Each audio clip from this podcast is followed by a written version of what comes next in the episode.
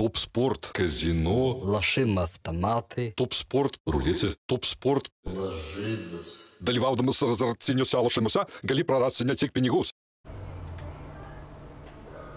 Sveiki, mėly futbolo gerbėjai, vėl sugrįžtame su pasaulio čempionato apžvalga. Sėdžiu aš, o sporto žurnalistas Lukas Katilius ir futbolo ekspertas treneris Židrūnas Grudzinskas. Susirinkome aptarti pusfinalio rungtynių tarp Prancūzijos ir Maroko. Rungtynės baigėsi 2-0. Prancūzija žengia į antrą finalą iš eilės, bandys apginti titulą, o Marokas keliauja į rungtynės dėl trečiosios vietos su Kroatija. Tai pabandysim aptarti tada viską nuo pradžių. Aišku, startinės sudėtis, nes čia irgi jau buvo gan įdomių tokių dalykų. Prancūzijos rinktinės sudėtie nebuvo Dajoto Pamekano ir Adriano Rabijo, kurie susirgo prieš rungtynės ir juos pakeitė Ibrahimo Konate ir Jusufas Fofana. Tai iš karto galbūt pirmas klausimas, kaip galvoji šitie pakeit, pakeitimai startiniai sudėti, ar išderino prancūzus ar, ar ne, kaip, kaip atrodė Fofana su Konate? Sveiki, labą rytą. Iš tikrųjų, prancūzai vis tik ir po didelių traumų, vadinkime, iki čempionato neiškritusiems, e, na, tikrai savo grandyse, galbūt kertiniams žaidėjams, vis tik turi labai ilgą atsarginių žaidėjų sulelį, tą pasirinkimą ir manau, kad Adrianas Abijo taip sužaidė, na, žaidžia tikrai gerą atkarpą šiame čempionate ir, na, taip e, iš dalies nelabai jūt, aišku, visada stebi per tą pergalės ir pralaimėjimo prizmę. Tai jeigu laimėjo Prancūzija, tai taip, na, pasižiūrėjus tas pozicijas, Jusufas Fofana ar Konate tikrai sužaidė gana solidžiai ir nesijautė tų trūkumų Prancūzijos komandoje, būtent gynybos ir vidurio saugų zonoje, ko galbūt, e, jeigu jau užduosi klausimą, ar turėjo pokyčių Maroko žaidime, tie visą, aišku, dar įžangą padarysime į tuos pakeitimus prieš pat rungtynės, tai iš tikrųjų Prancūzija sužaidė Be e, didesnių tokių ryškesnių duobių. Buvo atkarpos, kada žaidė silpniau, bet kalbant būtent per šių dviejų žaidėjų prizmę, manau, kad ten tikrai nesiju- nesijuto to žaidimo kokybės trūkumo. Na, apie Maroką turbūt jau reikėtų pasakyti, kad e, šiek tiek buvo komanda subirėjus, bent jau man tai atrodė fiziškai. Na, Ziešas gavo traumą ketvirtfinalį, bandė žaisti, Mazraui irgi, nežinai ar sveikas, pakeistas per pertrauką, dar Guerdo traumą prie per apšilimą. Tai aš galbūt būčiau rinkęsis, e, na, lengva šnekėti dabar, kai jau faktinis yra rezultatas, bet e, sveikesnius šiek tiek žaidėjus, galbūt e, mažesnės kokybės, bet e, šiek tiek, kad būtų tos gyvybės. Kad būtų judesys, net tas intensnis aikštėje, tas entuzijazmas, kuo beje ir pasižymė šiame čempionate Maroko, futbolininkai tą įstrą, tą norų kautis ir galbūt čia trenerių štabas rėmėsi būtent tą patirtimi, em, reikalinga būtinai pusfinaliuose, tačiau reikėjo galbūt na, pasverti ne, tą galimą riziką. Nors ir pavardės tarsi žaidžia, tačiau prisiminkime Rauną Saiso momentą, kada ten kamuolys atšoko nuo žemės, tolimas perdavimas, kur tikrai labai lengva perskaityti ir tikrai net nebejoju, jeigu jis būtų visiškai sveikas, be didesnių problemų susitvarkytų su tikrai paprasta užduotimi vidurio gynėjų, nes ten buvo 17 minutė ir būtent po šio epizodo žiūrų smūgiavo, kai rėkoja į vartų konstrukciją, pataikė į virpsą, tikrai geras momentas, tai yra būtent tai ir turėjo įtakos. Ir kaip paminėjai, jeigu žaistų, na, vadinkime, sveiki žaidėjai nuo pat pradžių, to epizodo galbūt net nebūtų. Tačiau reiktų galbūt grįžti į tavo paminėtą tą faktą, kad apšilimo metu ne, darai tą nulinį keitimą ir tai šiek tiek išderina, nes net išderino ir mūsų kolegas, kurie ganėtinai vėlai pamatė, kad e, žaidžia aikštėje Hrafas Sudarėjo, nėra Naifo Nagardo, bet vėlgi aš taip na, žiūrėjau, kada kolegos pagaus tą momentą, bet iš tikrųjų nebuvo netokios situacijos, nes e, kada na, įsijungi kompiuteris ir komentuoji rungtynės, tu matai prieš rungtynės tą sudėtį. Ir jeigu tu, na tai vadinkime, nerešrefinė, ne, ir, nu, ne, nepersijungi vėl mhm. atnaujinto puslapio, ir tada tu ką, na, žiūri, ta sudėtis yra, kamera nepritraukia arti. Ten ir tas bendras vaizdas ir tu taip ir žaidži. Na ir po to ten jau 30 ten kažkuria minutė parodė iš arti. Hrafą darė ir tada, na, kolegos suprato, kad kažkokie pokyčiai yra. Taip, kad iš tikrųjų nėra taip lengva, um, kada įsijauti į rungtynės, ten stebėti, kas vyksta, tačiau tie pokyčiai įnešė savo, nes, na, vadinkime, tai pradėjo um, taip 3-5-2, bet be kamulio, aišku, ilgiau buvo pirmajame kelnyje Maroko futbolininkai, tai 5 gynėjų linija, ne 5-3-2 pabandė rungtyniauti ir tai beje pirmas kartas, kada jie išstatė, vadinkime, tokį, na, saugesnį galbūt variantą, nors ir taip žinome, kad Maroko komanda atiduoda iniciatyvą, žaidžia ryškesniu antrojų numeriu, kadangi turi priekinę liniją gana e, improvizuojančią, galinčią žaisti vienas prieš vieną, aštrę, todėl tikrai ten e, ta taktika galbūt ir turėjo suveikti. Bet matome, Arnas Iso problema, aišku, įvartis ankstyvas e, pakeitė m, vėlgi įvykius aikštėje, kalbant apie jau Maroko bandymą dominuoti, ką galbūt matėme antrajame kelnė, tačiau manau, kad po truputėlį eikime nuo pat pradžių ir kalbant būtent apie tuos e, priversnius keitimus, apie tuos žaidėjus, kurie tarsi gali, tačiau negali, tai išbalansavo. Nulinis keitimas, Arnas Isas anksti išimamas, na ir ten truputėlį tos destrukcijos tikrai jautėsi. Man atrodo dar, kad šiek tiek nepasisekė, jog sukrito į, į gynėjų liniją dvi tos traumas Mazrauji ir Aguerdo. Ten, Nes- kur stipru būdavo. Taip, ne? nes Marokas visą čempionatą eina ant gynybos, jie daug įvarčių nemuša, bet nu jie stengiasi taip žaisti. Tai ir perinam tada iškart per rungtynių pradžios ir čia nais penktą minutę Teo Hernandezo įvartis. Aš iš karto gal pastebėčiau, kad labai, labai, na čia ir pasi, pastebi tą patirtį Varanas ir Grizmanas. Na, užteko, Grizmanas vienas, du judesėlis a, apgavo Maroko gynėją, prabėgo, Varanui pusę sekundės dalies užteko susiprast. Perdavimas, nu jau jeigu kamuolys atsiduria baudos aikštelį prieš e, prancūzų, prancūzom pakojom, tai nu, visą laiką gali laukti įvarčio jau, kai taip prisileidai. Aš galbūt taip detaliau tą, Taip. tą, tą epizodą. E, tokie perdavimai iš vidurio gynėjų, kalbu, kalbu apie Rafaelio Varano, tą tarsi peilių perpėjimą visų gynybinių grandžių. E, iš tikrųjų, gynėjai atlikdami tokius perdavimus susideda labai didelius pliusus, kalbant apie jau, jų, vadinkime, tą skautinimą, jeigu jauni žaidėjai, jeigu patyrę žaidėjai, tai kalbam apie jo meistriškumą. Tai yra tas aikštės matymas vidurio gynėjams, na, vadinkime, taip ne visiems duotas yra, nes visi, na, skanuoja, žaidžia galbūt saugiau, kairiau, dešiniau, per atraminį saugą. Ten toks perdavimas, kur, na, kai aš pasirašiau 10 balų, tai yra prie įvarčio Rafaelio Varano perdavimas prisidėjo labai ženkliai. Tarsi mes pamirštame, stebėdami rungtynes, e, tą pirminį indėlį, kuris yra labai labai svarbus. Nes jeigu Varanas žaistų per atraminį saugą ar žaistų per kraštą, nebūtų to įvarčio paprasčiausiai. Todėl priimti sprendimą, nes įsivaizduokim, tai yra rizika. Tu duodi vertikalų perdavimą, ten kaip pavyzdys, kai sakau, užsidaro durelės vidurio zonoje, perima kamuolį, tu įsi- įsiderinę su gynėjų grandimą, net tada tu perini į visiškai kitą gynybinį futbolą, gali gauti įvartį. Tai yra, tu turi labai pasverti tokius perdavimus. Ir, sakau, tokie yra labai vertinami trenerių, labai vertinami futbolo ekspertų iš gynybos, kada kertama jų polimo zonoje, polimo linija, saugų linija ir suklydo, matėme, privertė suklysti gynėją Eljemika, kuris bandė krizdamas tą, į tą kamuolį sužaisti. Liaudiškai tariant, liko ant subinės, kai išnekam treneriai, kad, na, turi, e, čia jau yra jo klaida. Varano gyrėme, be jokios abejonės, tačiau gynėjo grubi klaida, kadangi jis jau nebežaidime. Grismanas turėjo daug ir pakankamai laiko priimti kamuolį, sveršti ten į būdos aikštelę gilin, pakelti galvą. Ir kas nustebau, kad e, nepamatė iš karto Teo Hernandeso, nes e, Žinant ir šiame čempionate Grismano savybės atlikti perdavimus, skaityti žaidimą, nes tai yra kūrybingiausias šiame čempionate žaidėjas, sukūręs net 17 pavojingų momentų. Na, savo komandą. galbūt žvelgiant į prancūzų sudėtį, į tą vidurį, nu yra Čiuomenė, buvo Fafana, bet jie nėra tokie kūrintis kaip Grizmanas, tu turi visą laiką laukti iš jo tų aštrių perdavimų. Grismaną, matydavome puolimo zonoje, jeigu dviem puolėjai šalia, mm. vienu nežaisdavo jis ten atakos maigalėje, bet jis būdavo labiau pakeltas, vadinkime, ir klube, ir rinktinėje anksčiau į puolimo liniją. Dabar jis atšokinėja, toks, na, dešimtas numeris, priima kamuolius, apsisuka, skirsto jūs labai puikiai. E, Ir būtent šioje situacijoje, na taip galvoju, ir pamatys ar ne iš karto e, Hernandesą, bet aš atlikinėjau perdavimą Kilianui Bapė, pastarasis ten smūgiuot bandė, tas vėlgi toks lengvas rikošėtas, bet reikia pagirti, aišku, Teo Hernandesą, kalbant apie jo tą tokį lengvą akrobatinį ne, smūgį. Nu, Smūgis tai sunkus tikrai tenais. Taip, kamuolys iškelt. atšoko, pakilo m, šiek tiek aukščiau ir techniškai pataikė, m, įvartis gražus, e, bet dabar žvelgiu iš kitos pusės, iš mūsų labai gyrimo Maroko vartininko. Ir taip kelis kartus sulėtintai stebėjau situaciją ir ką po to teko žiūrėti, kai na karpami tie epizodai visi.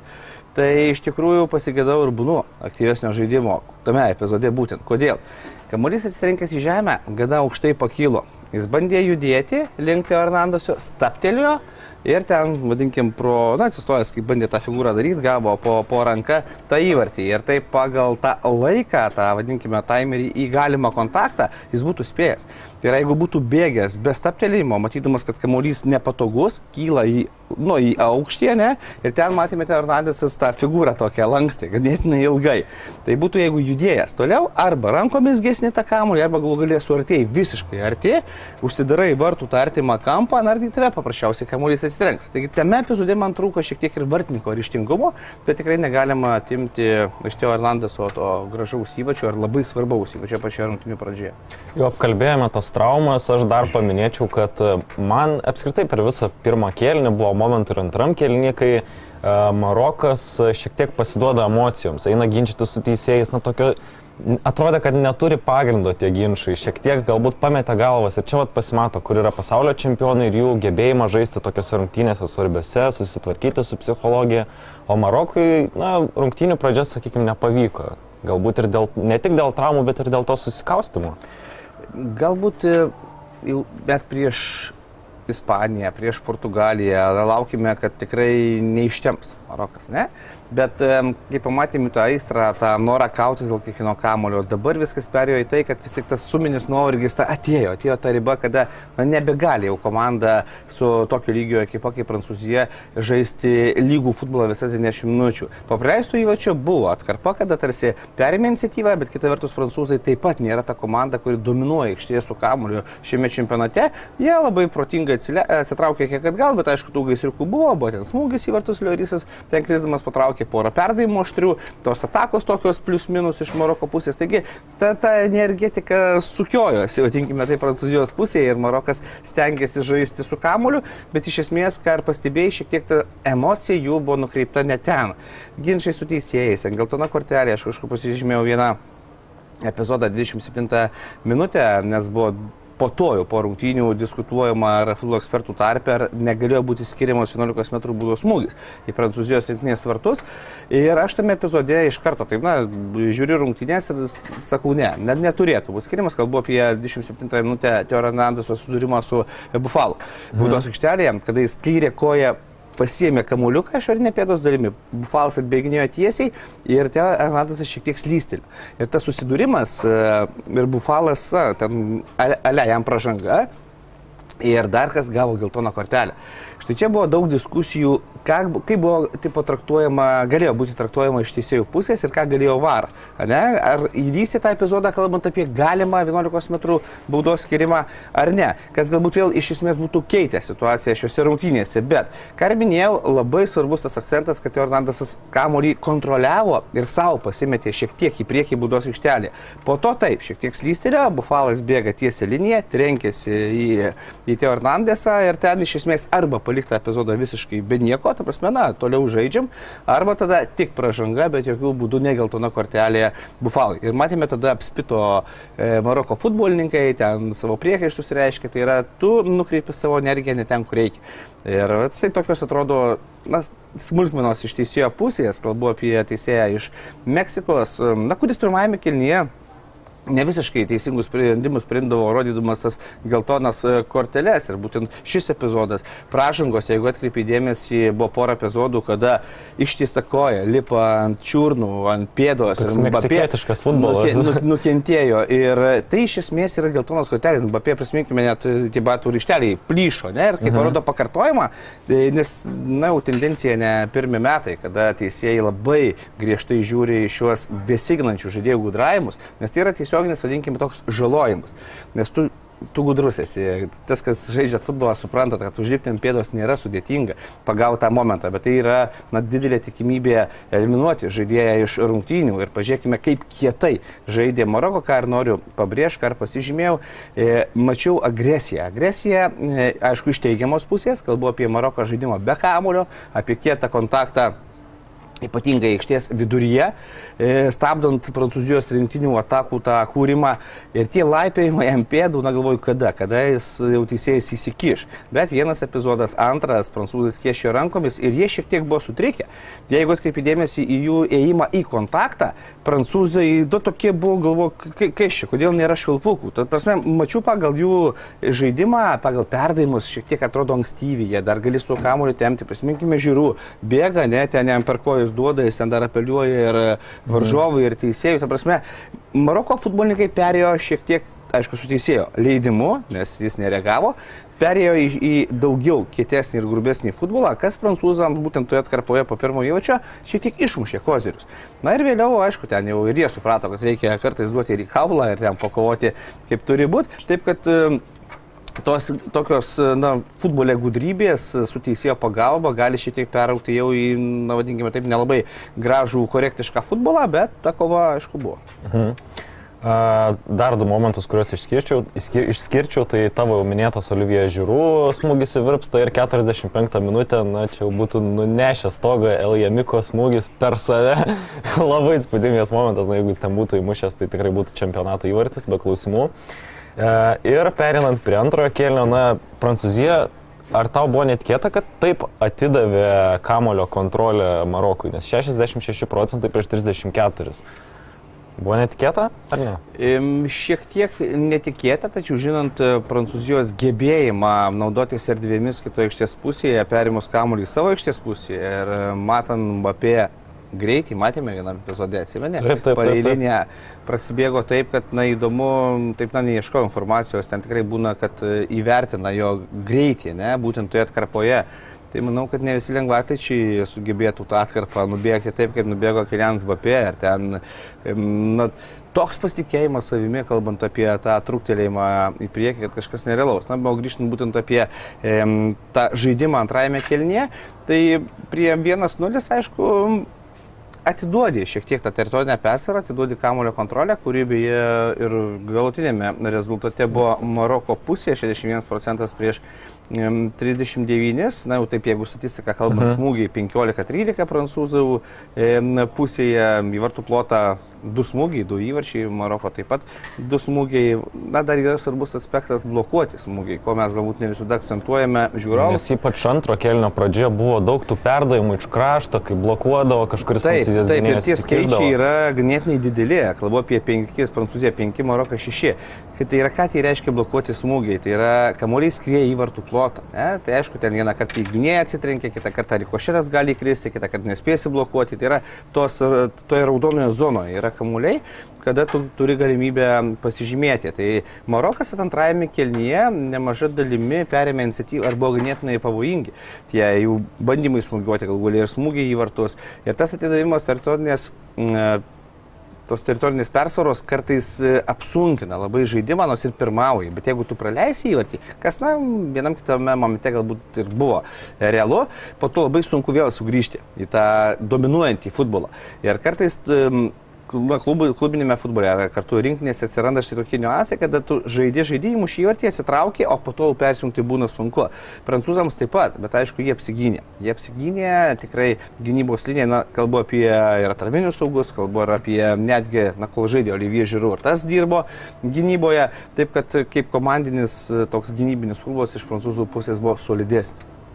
A, Apie tas 15 minučių antro kėlinio pradžioje, na aš pasižymėjau, kad čia ir buvo tas Maroko, ta Maroko vieta, kur jie buvo verti įvarčio, bet jo pasiekti, pasiekti nepavyko. Kas toje atkarpoje veikia, na, man atrodo, kad Hakimy labai stipriai padėjo, nes dešiniajam krašte su tom kombinacijom 1-2, ar ne? Ir Bet vėliau šiek tiek pasigėdau įvairovės kažkokios, galbūt pabandyti kitų ginklų, nes, na, bandant tą, tą patį per tą patį, e, tokios komandos kaip Prancūzijos labai greitai taikosi prie tavęs. Ir matėme taikėsi ir kartu atlikdami keitimus. Taip, Tiramas išeina vietoj žiūrų, tai aiškiai vėl toliau eiti ant to atakuojančio futbolo, paspausti centro gynėjus. Būtent, būtent ir tų epizodų matėme. Ir tie keitimai įnešė gyvumo, na ir apskritai kalbant apie tą antrąjį įvartį, ne, e, kaip keitimai įtakoja galutinį rungtinių rezultatą, nes e, tą visada mėgstu pabrėžti, kad keitimai atliekami tam, kad sustiprinti žaidimą komandos.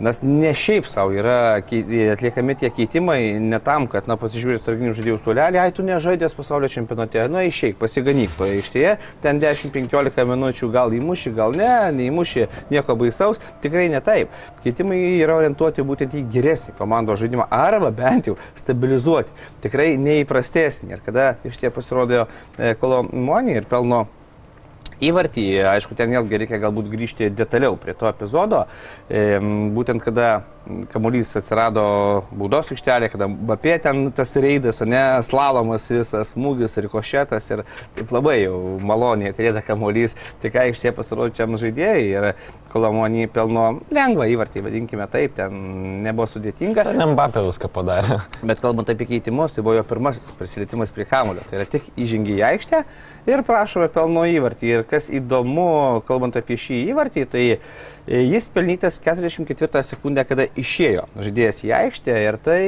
yra pats greičiausias e, pasaulio čempionato Prašau. įvartis. e, Na, taip e, pažymėta šiame amžiuje, 21 amžiuje, kalbant apie žaidėjus, kurie išeina nuo suolo ir būtent viskas, na, tai baigėsi.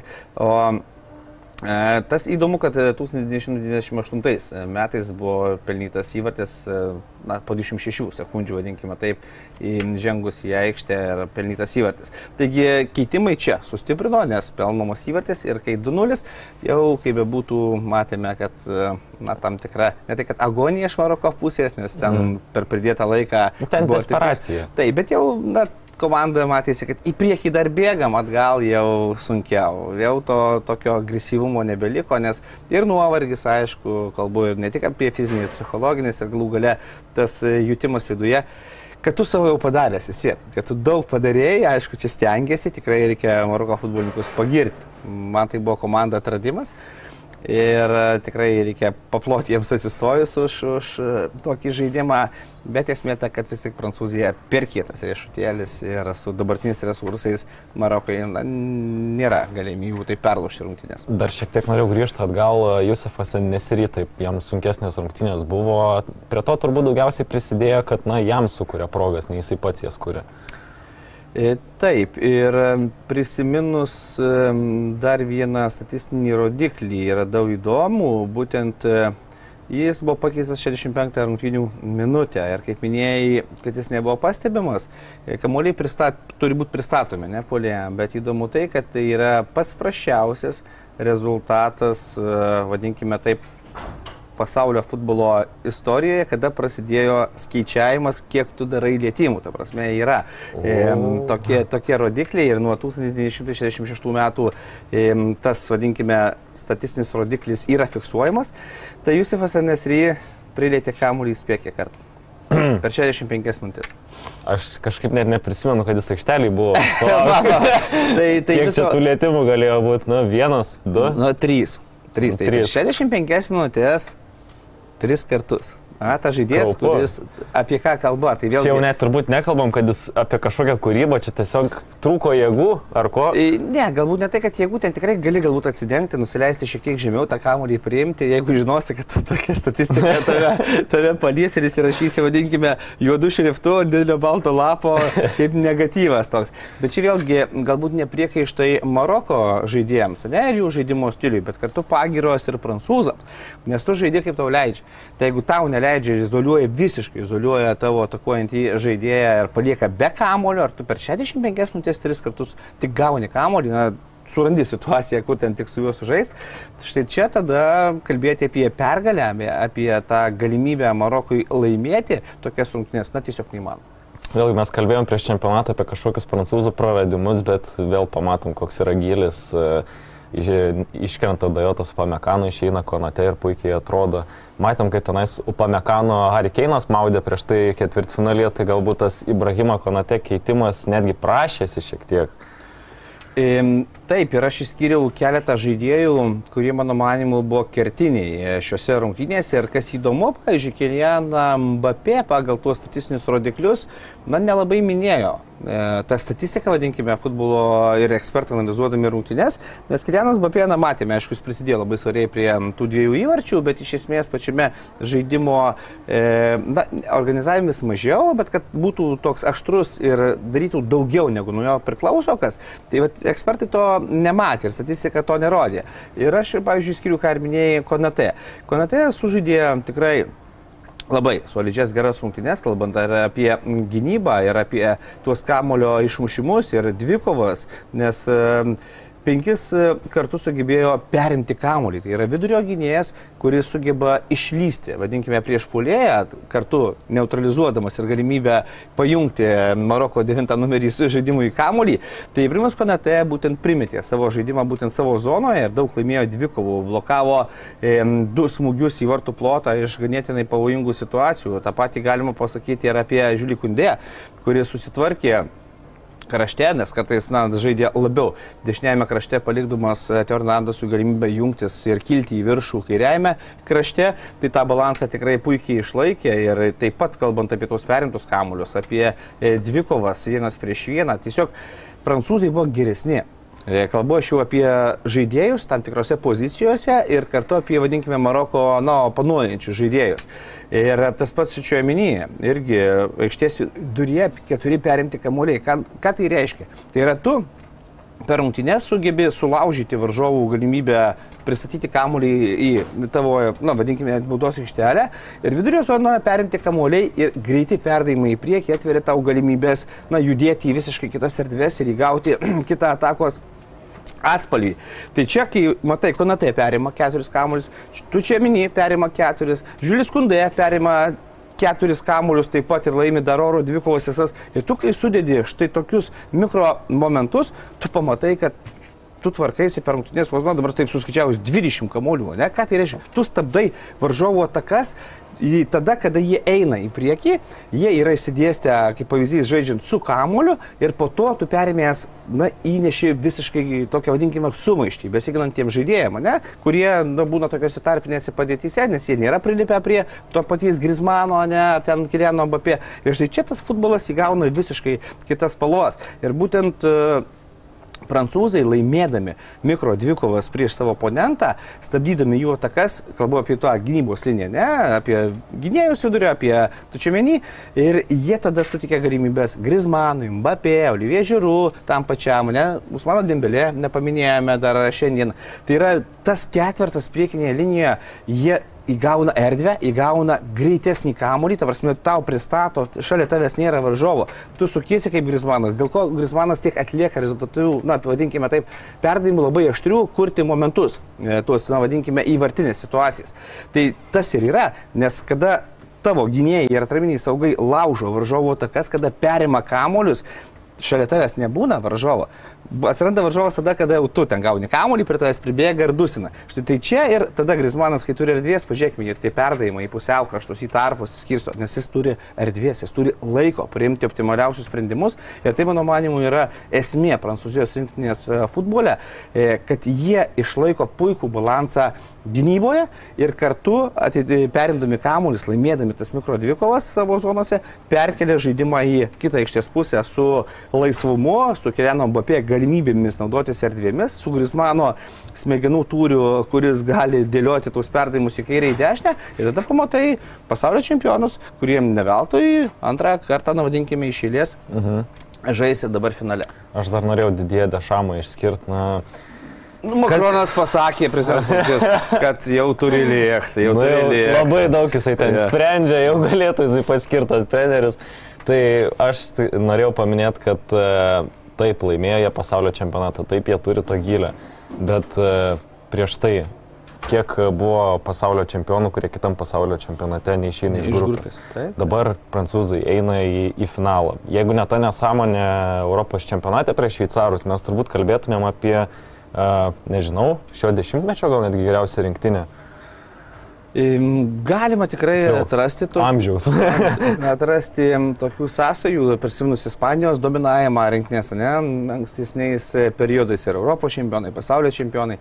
Čia taip, čia tikrai sutikčiau su tuo, kad Prancūzija išlaiko tą stabilumą top lygį ir kas labai pasimatė šiuose rungtynėse. Tai daliai žaidėjai na, turi tą užtikrintumą, turi tą ramumą. Pažiūrėkime, nelindo į kažkokias ten neaiškias situacijas dėl ginčių, ką matėme Argentinos atsiprašau, Argentinos situacijoje, ką matėme dabar ir Maroko ekipos lyderių žaidime, ne, ir elgesyje, tas paziešas, ten nepatenkintas kažkur eina zyzė, na, tu išsibalansuoji, bet aišku, kad aš tavęs stipresnis varžovas, na, bandai įvairiais e, būdais, na, galbūt taip pritemti, vadinkime, tai iki pratesimo, e, kur aš abejoju, ar Marokas ir tai būtų užtempęs.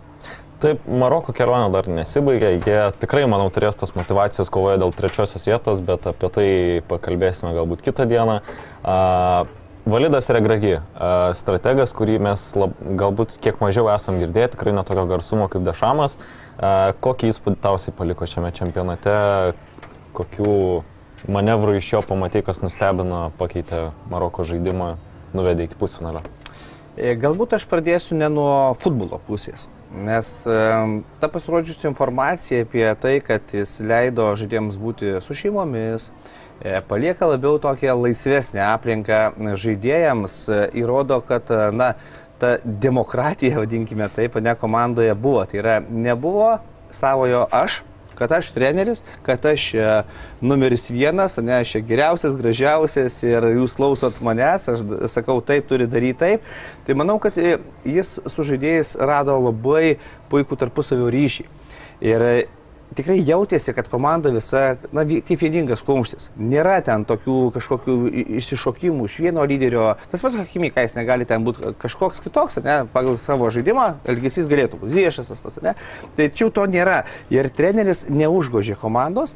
Tiesiog matome ir po rungtynių, ypatingai po šio pralaimėjimo, apsikabinimai ten su, aišku, su fanais atskira kalba, bet jų, jų na, matėsi tokie šilti santykiai komandoje. Tai yra labai svarbu, kada tu tam burbulė būni mėnesį, kada aplink tavęs tvyro įtampa e, iš medijų, na, ten kur neįdysi, ten gausi per ausis, ne, jeigu ten žingsnį blogą padarysi. Taip kad čia matėsi, kad Maroko komanda yra labai susitelkusi, labai koncentruota būtent į galutinį tikslą kur didesnės komandos, vadinkime tos, ne, Belgija, Vokietija, ten vieni tildo, ten vienais klausimais, ne, kiti tarpusėje mušasi rūbinėje ir tų komandų nėra. Tai ką noriu pasakyti, komanda galbūt savo meistriškumu tikrai dar rastum pajėgesnių, stipresnių, kuriuos paliko už nugaros.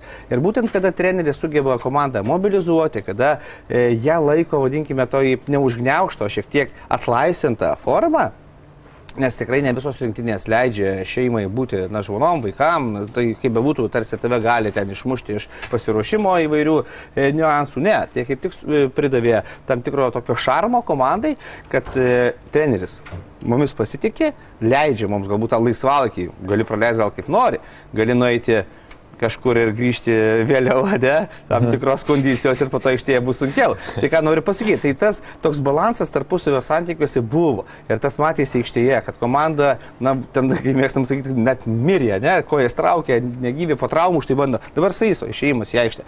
Jis eina į aikštę žinodamas, kad, na, jis netaip jaučiasi. Ir dar žinodamas, kad po to klubinis futbolas. Taip, laukia, ir visi matėme tai apie aptaipuotą koją, aptaipuotą šlaunys eina. Na, tai vėlgi rodo tą komandinę dvasę, kuri neve veltui leidžia jiems dabar kautis dėl trečiosios vietos ir tikrai, na, iš tos pusės norisi, kad Marokas galbūt, na, žengtų tą paskutinį lemiamą ir sėkmingą žingsnį. Regragi po, po mačo kalbėjo, kad labai smagu parodyti, kad futbolas Marokė egzistuoja, kad turime puikius ir galių.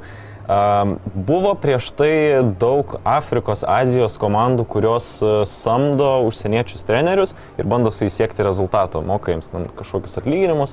Bet galiausiai pirmasis e, žmogus, kuris atvedė Afrikos komandai pusfinalį, yra vietinis treneris. Tai aš tikrai nelyginu dabar Maroko kokybės ir e, ten mūsų rinktinės kokybės, bet galbūt čia yra pavyzdys ir ten kažkam liepkalnyje sėdintiems. Aš, vienas iš variantų. Ne. E, kita vertus, galbūt Marokas su Prancūzija, ne, kalbant jau per šių abiejų komandų prizmę, labai susiję. Ir istoriškai žiūrint, ne, Prancūzija kaip kolonizatorė, Maroko čia, kaip pavyzdys, pavyzdžiui, 2008 metais būtent Validas Segragi žaidė su Olivier Žiūrų viename Grenoblio klube. Ne, tai vėlgi, e, tai treneris, kuris puikiai pažįsta Europos futbolą, tai nėra kažkur, vadinkime, iš kito pasaulio krašto atėjęs strategas, ne, tai vis tiek jau ta, ta vadinkime, Europos taktinė drausmė persikelia į tą pačią Aziją, nes daug važiuoja futbolininkų, daug važiuoja trenerių, ne iš Europos, kurių kvalifikacija galbūt pirminėme etape buvo aukštesnė. Tas pats ir į Afriką. Nes anksčiau, kaip ir minėjai, tikrai buvo daug samdomų trenerių, dabar tas keičiasi, nes Afrikos treneriai, jeigu dirbi Europoje, ar juolap, na kaip minėjau, Marokas, na ten vos ne kaip Prancūzija, vadinkime, tai ta diaspora milžiniška, ne, yra ir žaidėjų ten gimusių. Ir, na, taip, man atrodo, per daug susipinę. Ir taip akcentuoti, kad štai čia Afrika, čia Azija, jau kuo toliau negalima to. Anksčiau, taip sutinku, Afrika savo, Azija savo, Europa savo ir tada matom tuos skirtumus, ne, ryškius.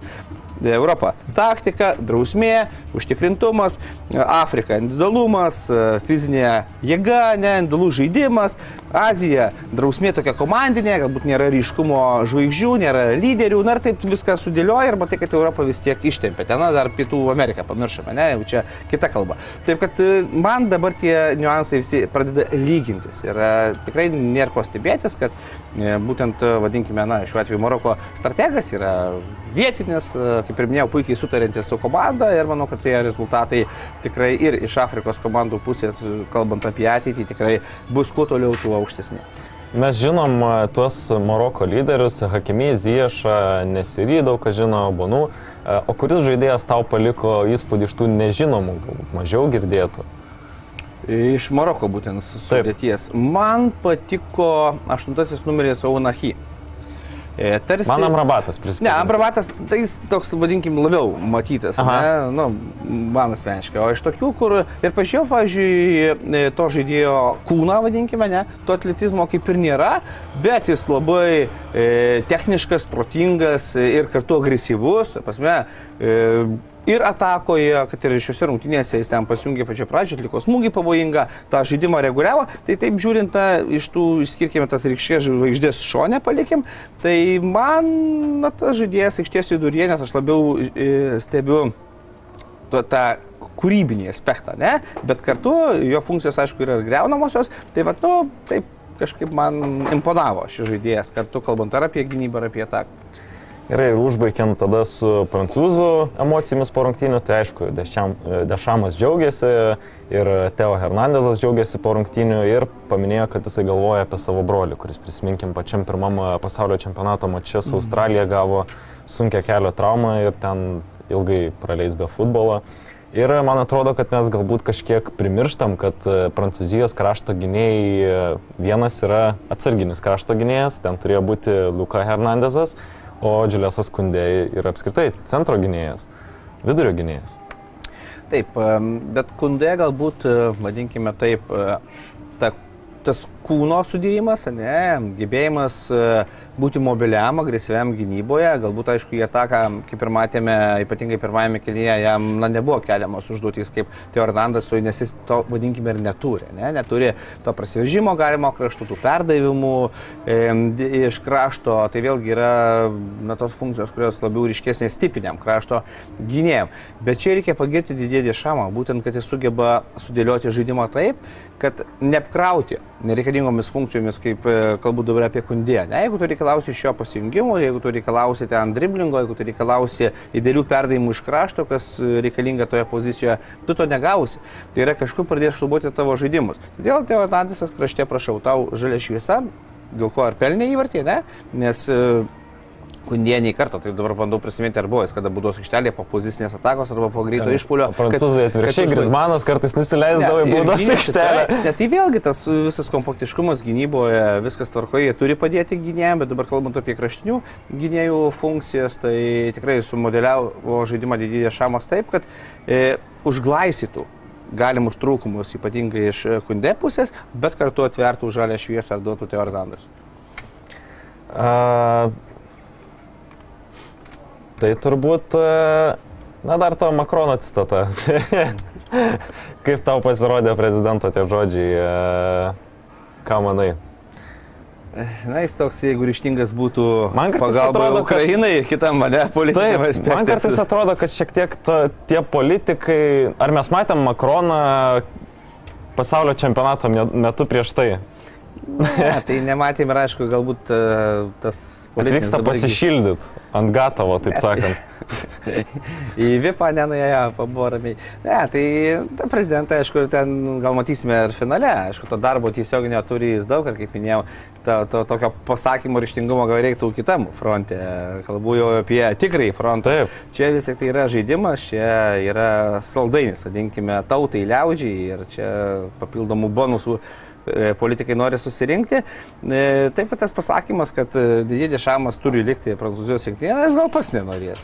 Ne, laimų laimų titulus, e, prezidentė, nepyk viso gero, m, rūpinkis savo reikalais ir savo, na, aišku, šmaikštauju šiek tiek, tačiau tą tie pasisakymai man tokie populistiniai. Galbūt e, svarbiau reiktų paprieš tą faktą, kad Brazilai, e, na vadinkime, komanda, kuri laimėjo čempionatą, ne pasaulio, dabar turi galimybę vėl laimėti. Ir tokių, vadinkime, dublių istorijoje yra, yra tik du ir jie buvo labai labai seniai. Tai yra Italijos rinktinė, tapo pasaulio čempionais dviejose iš eilės čempionatuose 1934 ir 1938 metais, kaip minėjau, labai seniai.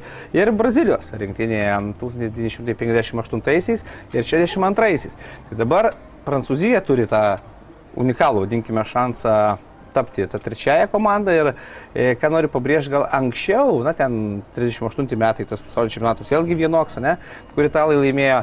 Anksčiau dominuoti m, galbūt brazilams e, tame periode buvo lengviau, tačiau dabar, kada futbolas vadinkime taip, lyginasi, ne, jau tų skirtumų, kaip minėjom, tarp žemynų jau nėra, komandos pajėgios, nors ir kritikuojam tą Katarą, tačiau tikrai futbolą moka žais, Saudo Arabus pamatėme, iš už galvos susimė, dabar Marokas. Mhm. Na, ta prasme, komandos ir laimėti iš eilės du pasaulio čempionatus dabartinėme laikmetyje tikrai, mano manimu, yra labai labai sunku, bet prancūzam liko tiek vienas paskutinis žingsnelis. sirgsi už Argentiną. E, tai ja, aišku, tai, na, na kaip sirgsi. Aišku, norisi, nes praeitoje laidoje, matėte, su kokiais marškinėliais Taip, atėjau. tu jau antroji laidoje iš eilės vėl pasakoja tą patį. Taip, bet Paulius mane girdėjęs. Tai aišku, dabar įvilkau šiek tiek į kitą prizmę kartu su pagalba Argaju Kulbiui. Taip kad tas, aišku, labai svarbu, bet simpatizuosiu Argentinai, nors prancūzai man irgi arti dušios, nes, e, na, irgi taip, jau pasakysiu, pirma laida Lietuvoje, kada mokykloje baigėme sustiprintą prancūzų kalbą. Tai yra mano ta karta Mhm. se, sena ir Alytoje, būtent vidurinėje mokykloje mokiausi prancūzų kalbą nuo pirmosios klasės. Tai e, kas atrodo keista, ne? Ir po to turėjome nuo, kit- nuo penktos klasės šešias savaitinės pamokas, įsivaizduoti, šešias prancūzų. Tai ten jau, o dabar, Jėzau. dabar jau nelabai prisimenu, bet Makronas ką aš neką suprantu. Taip, kad aišku, tos simpatijos yra prancūzams, bet šį kartą, na, finale, taip, gilumoje širdies palaikysiu Argentiną. Aš prisipažinsiu, aš buvau už Angliją ir aš turiu pykčio ant prancūzų, bet tai nereiškia, kad aš sirgsiu už Argentiną, sirgsiu, kad būtų gražus futbolas visiems. Ir trečioje vietoje tikiuosi kovoje bus labai įdomių dalykų. Ir dėkojom tada jums už, už laiką su mumis pasaulio čempionato apžvalgoje. Mes dar sugrįšim, turėsim dar, dar porą laidų su Židrūnu, kuriuose pabandysim kažką nominuoti, pabandysim vėl kažką apžvelgti. Tad susitiksime rytoj. Židrūnas Grudzinskas, Lukas Katilius, viso. Viso geriausio, iki. Топ спорт, казино, Лошим автомати. топ спорт, рулеці, топ спорт. Dalyvaudamas azartiniuose lošimuose gali prarasti ne tik pinigus,